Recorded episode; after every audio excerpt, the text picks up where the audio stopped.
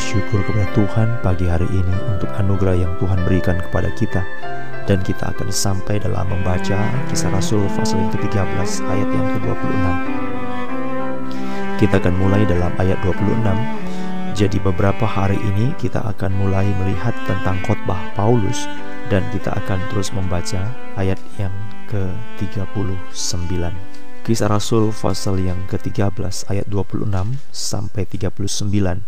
Demikianlah firman Tuhan. Hai saudara-saudaraku, baik yang termasuk keturunan Abraham maupun yang takut akan Allah. Kabar keselamatan itu sudah disampaikan kepada kita. Sebab penduduk Yerusalem dan pemimpin-pemimpinnya tidak mengaku Yesus dengan menjatuhkan hukuman mati atas dia mereka menggenapi perkataan nabi-nabi yang dibacakan setiap hari Sabat, dan meskipun mereka tidak menemukan sesuatu yang dapat menjadi alasan untuk hukuman mati itu, namun mereka telah meminta kepada Pilatus supaya ia dibunuh. Dan setelah mereka menggenapi segala sesuatu yang ada tertulis tentang dia, mereka menurunkan dia dari kayu salib, lalu membaringkannya dalam kubur. Tetapi Allah membangkitkan dia dari antara orang mati, dan selama beberapa waktu ia menampakkan diri kepada mereka yang mengikuti dia dari Galilea ke Yerusalem. Mereka itulah yang sekarang menjadi saksinya bagi umat ini, dan kami sekarang memberitakan kabar kesukaan kepada kamu, yaitu bahwa janji yang diberikan kepada nenek moyang kita telah digenapi Allah kepada kita, keturunan mereka, dengan membangkitkan Yesus seperti yang ada tertulis dalam Mazmur kedua. Anakku engkau, aku telah memperanakan engkau pada hari ini. Allah telah membangkitkan dia dari antara orang mati, dan ia tidak akan diserahkan kembali kepada kebinasaan. Hal itu dinyatakan oleh Tuhan dalam firman ini.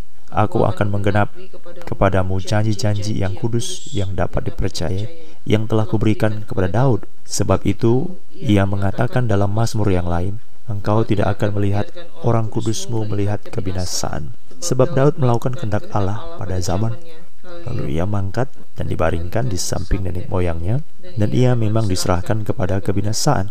Tetapi Yesus yang dibangkitkan Allah tidak demikian. Jadi ketahuilah hai saudara-saudara, oleh karena dialah maka diberitakan kepada kamu pengampunan dosa dan dalam dialah setiap orang yang percaya memperoleh pembebasan dari segala dosa yang tidak dapat kamu peroleh dari hukum Musa. Umat-umat yang dikasih Tuhan, kita bersyukur kepada Tuhan kalau Tuhan terus memberikan firman-Nya kepada kita dan membantu kita, menolong kita, menuntun kita hari demi hari untuk melihat dengan jelas sekali apa yang sebenarnya firman Allah itu hendak sampaikan.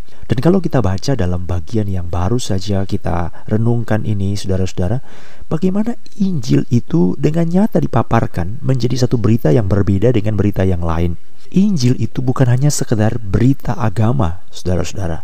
Kalau kita baca berita Injil yang disampaikan dalam khotbah daripada Paulus ini di kota Antioquia di Pisidia, maka kita akan tahu bahwa semua apa yang dikatakan itu ada kok dalam perjanjian lama atau kitab orang Yahudi. Jadi saya pakai bahasa mereka dulu ya. Kan dulu kan orang Yahudi itu namanya adalah kitab Taurat dan kitab para nabi. Jadi sebenarnya Injil itu, Yesus itu, Injil itu ada kok dalam berita, dalam khotbah dalam cerita orang kitab Taurat dan kitab Nabi. Tapi dia ulang lagi cerita itu saudara-saudara. Jadi kalau orang yang sudah percaya dan takut akan Allah dia berkata oh ya ya aku udah dengar udah tahu aku ceritanya. Cerita Abraham aku tahu cerita Musa aku tahu cerita orang Israel keluar dari Mesir di padang gurun aku tahu aku tahu cerita itu aku tahu. Nah kalau orang hanya mengerti cerita itu dia itu tidak akan melihat Kristus saudara-saudara sama seperti kita sekarang, kita juga akan mengatakan, "Oh, iya aku udah tahu cerita Yesus, aku udah tahu cerita Yesus. Ya, aku udah tahu cerita Yesus. Yesus yang lahir di Bethlehem. Aku tahu cerita Yesus. Yesus yang lahir dari Maria, Yesus yang mati di kayu salib, Yesus yang bangkit hari yang ketiga, dia naik ke surga. Aku tahu cerita itu." Nah, kalau kita juga berpikir dengan cara bahwa kita sudah tahu cerita itu, ya berarti kita sama seperti orang-orang Yahudi pada waktu itu. Mereka orang Yahudi pada waktu itu sudah tahu cerita itu dan mereka merasa bahwa mereka itu tidak perlu lagi sesuatu yang jelas tentang dosa. Dan seperti itu juga kita, kita juga ngerti bahwa Yesus itu mati untuk dosa, kita tahu, tetapi tidak ada sesuatu yang jelas tentang apa yang dikerjakan Allah dalam diri kita itu tidak jelas, hanya tahu cerita. Nah, inilah sesuatu hal yang disebut dengan berita agama tanpa Injil. Saya ulangi ya, berita agama tanpa Injil. Jadi sama seperti Paulus memberitakan tentang apa yang dikatakan dalam kitab Taurat dan kitab para nabi, semua orang tahu, semua orang setuju, itu tidak terbantahkan. Tetapi mereka tidak menemukan Yesus di sana, mereka tidak menemukan Injil di sana. Demikian juga kita sekarang, kita tahu cerita tentang Yesus, tapi tetap kita kalau tidak mengerti tentang kesadaran dosa, apa yang Kristus lakukan bagi dosa saya, tidak kita kenal secara pribadi, maka itu sama seperti cerita tanpa Injil. Mari kita baca dalam ayat 26. Hai saudara-saudaraku, baik yang termasuk keturunan Abraham maupun yang takut akan Allah, kabar keselamatan itu sudah disampaikan kepada kita. Tetapi kamu tidak mengaku Yesus. Jadi ada istilah di sini kabar keselamatan oleh Yesus Kristus. Jadi ini bukan bicara tentang pengetahuan, tetapi bicara masalah sesuatu yang personal, pribadi. Apakah kamu mengakui Yesus Yesus yang bagaimana? Ini bicara masalah keselamatan.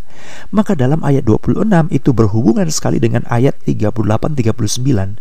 Kalimat yang dikatakan oleh Paulus, dari dulu Allah telah memberitakan kabar keselamatan. Sudah disampaikan kepada kita kabar keselamatan. Ayat 26.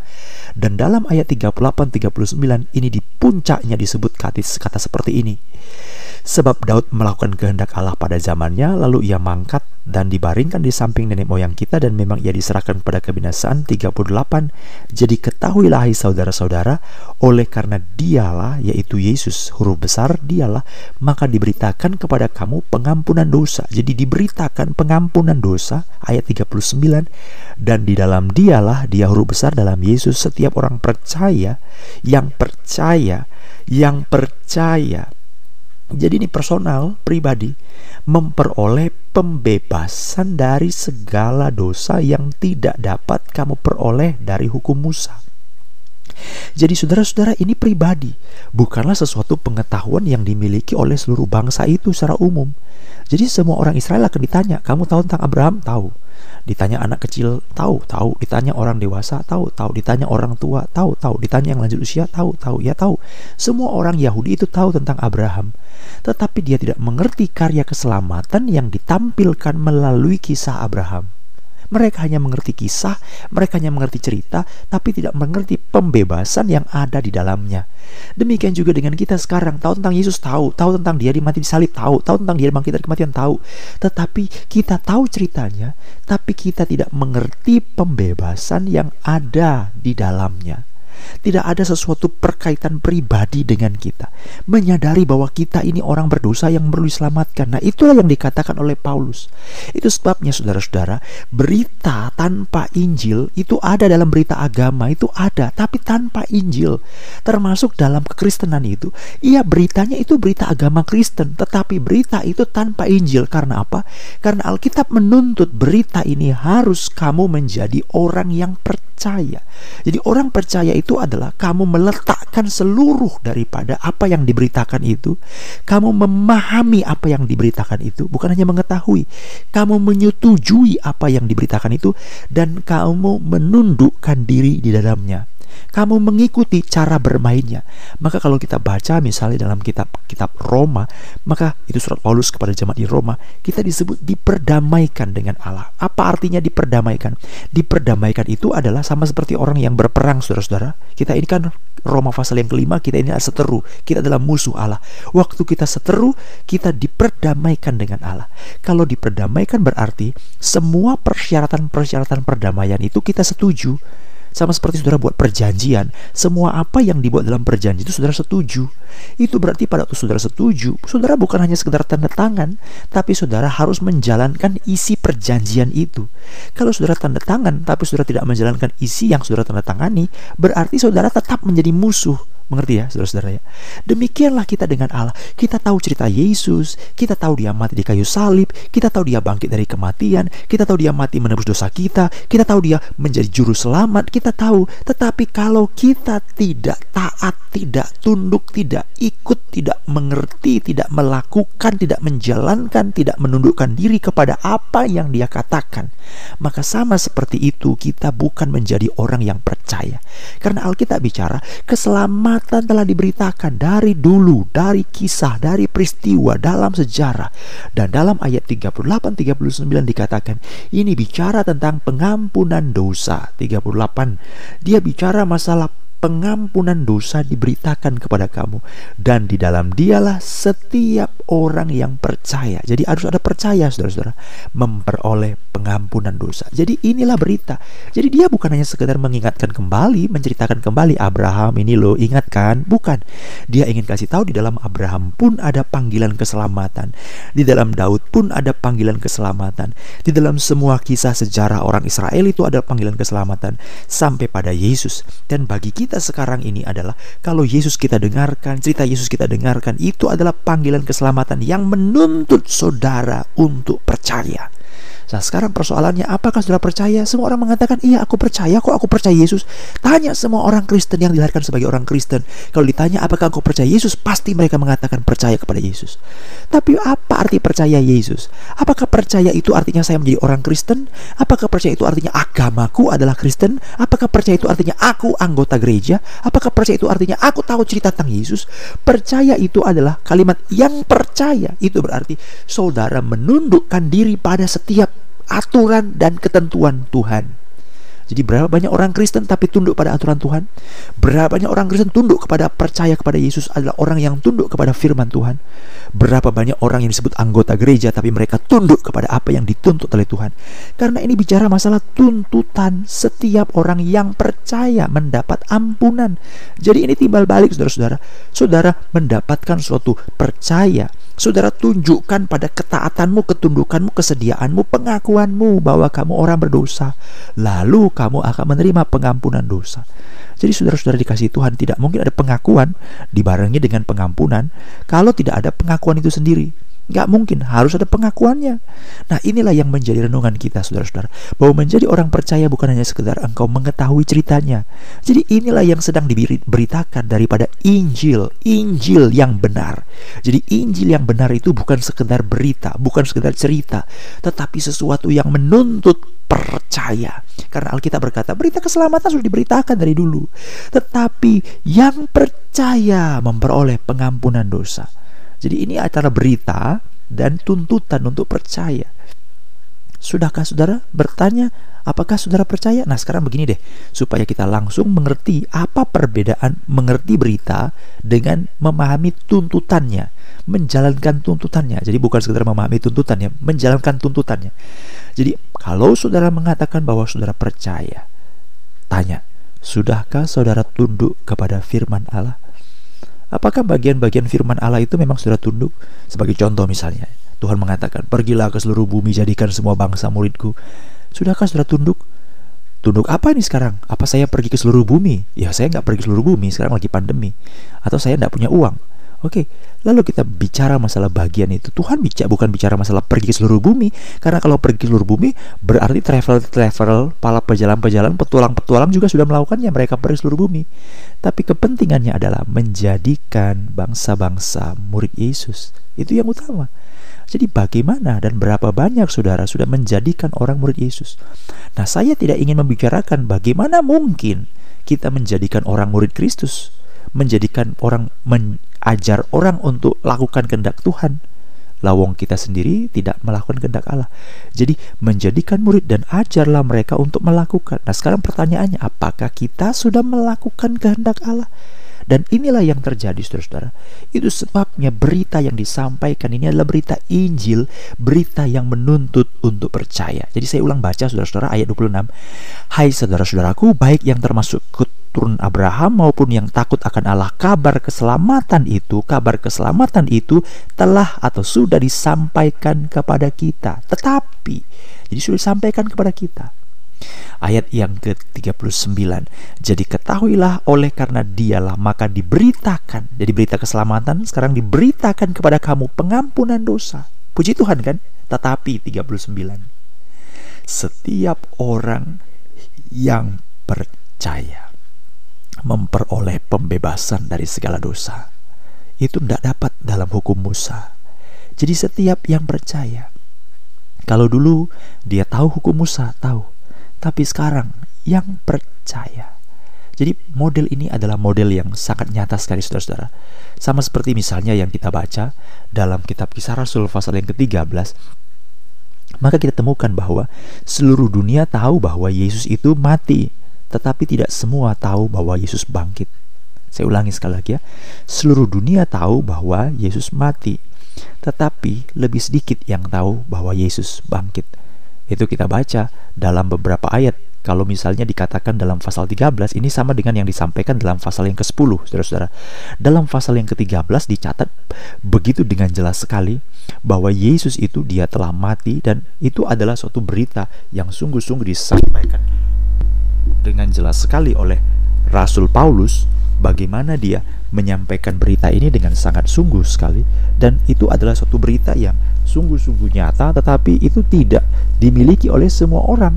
Ya, betul sekali. Yesus itu mati semua orang lebih banyak orang tahu, tetapi Yesus bangkit lebih sedikit orang tahu. Kenapa? Karena dia hanya menampakkan diri bukan kepada banyak orang, tetapi kepada hanya orang-orang tertentu. Saudara-saudara, coba kita baca itu dalam ayat yang dalam ayat yang ke 29 dan mereka menggenapi ada yang tertulis tentang dia. Mereka menurunkan dia dari kayu salib, ia lalu membaringkannya dalam kubur, tetapi Allah membangkitkan dia dari antara orang mati.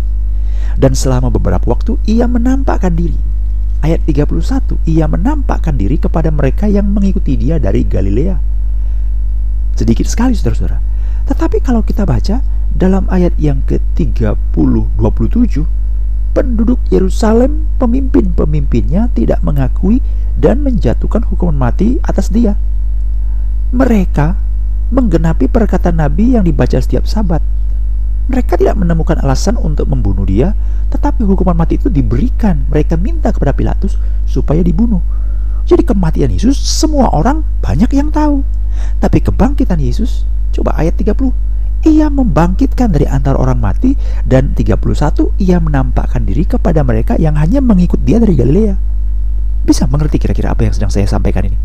Kematian Yesus semua orang banyak yang tahu. Tapi kebangkitan Yesus itu hanya yang mengikut dia dari Galilea yang tahu. Coba kita bandingkan dengan kisah Rasul pasal 10 ayat 40 41.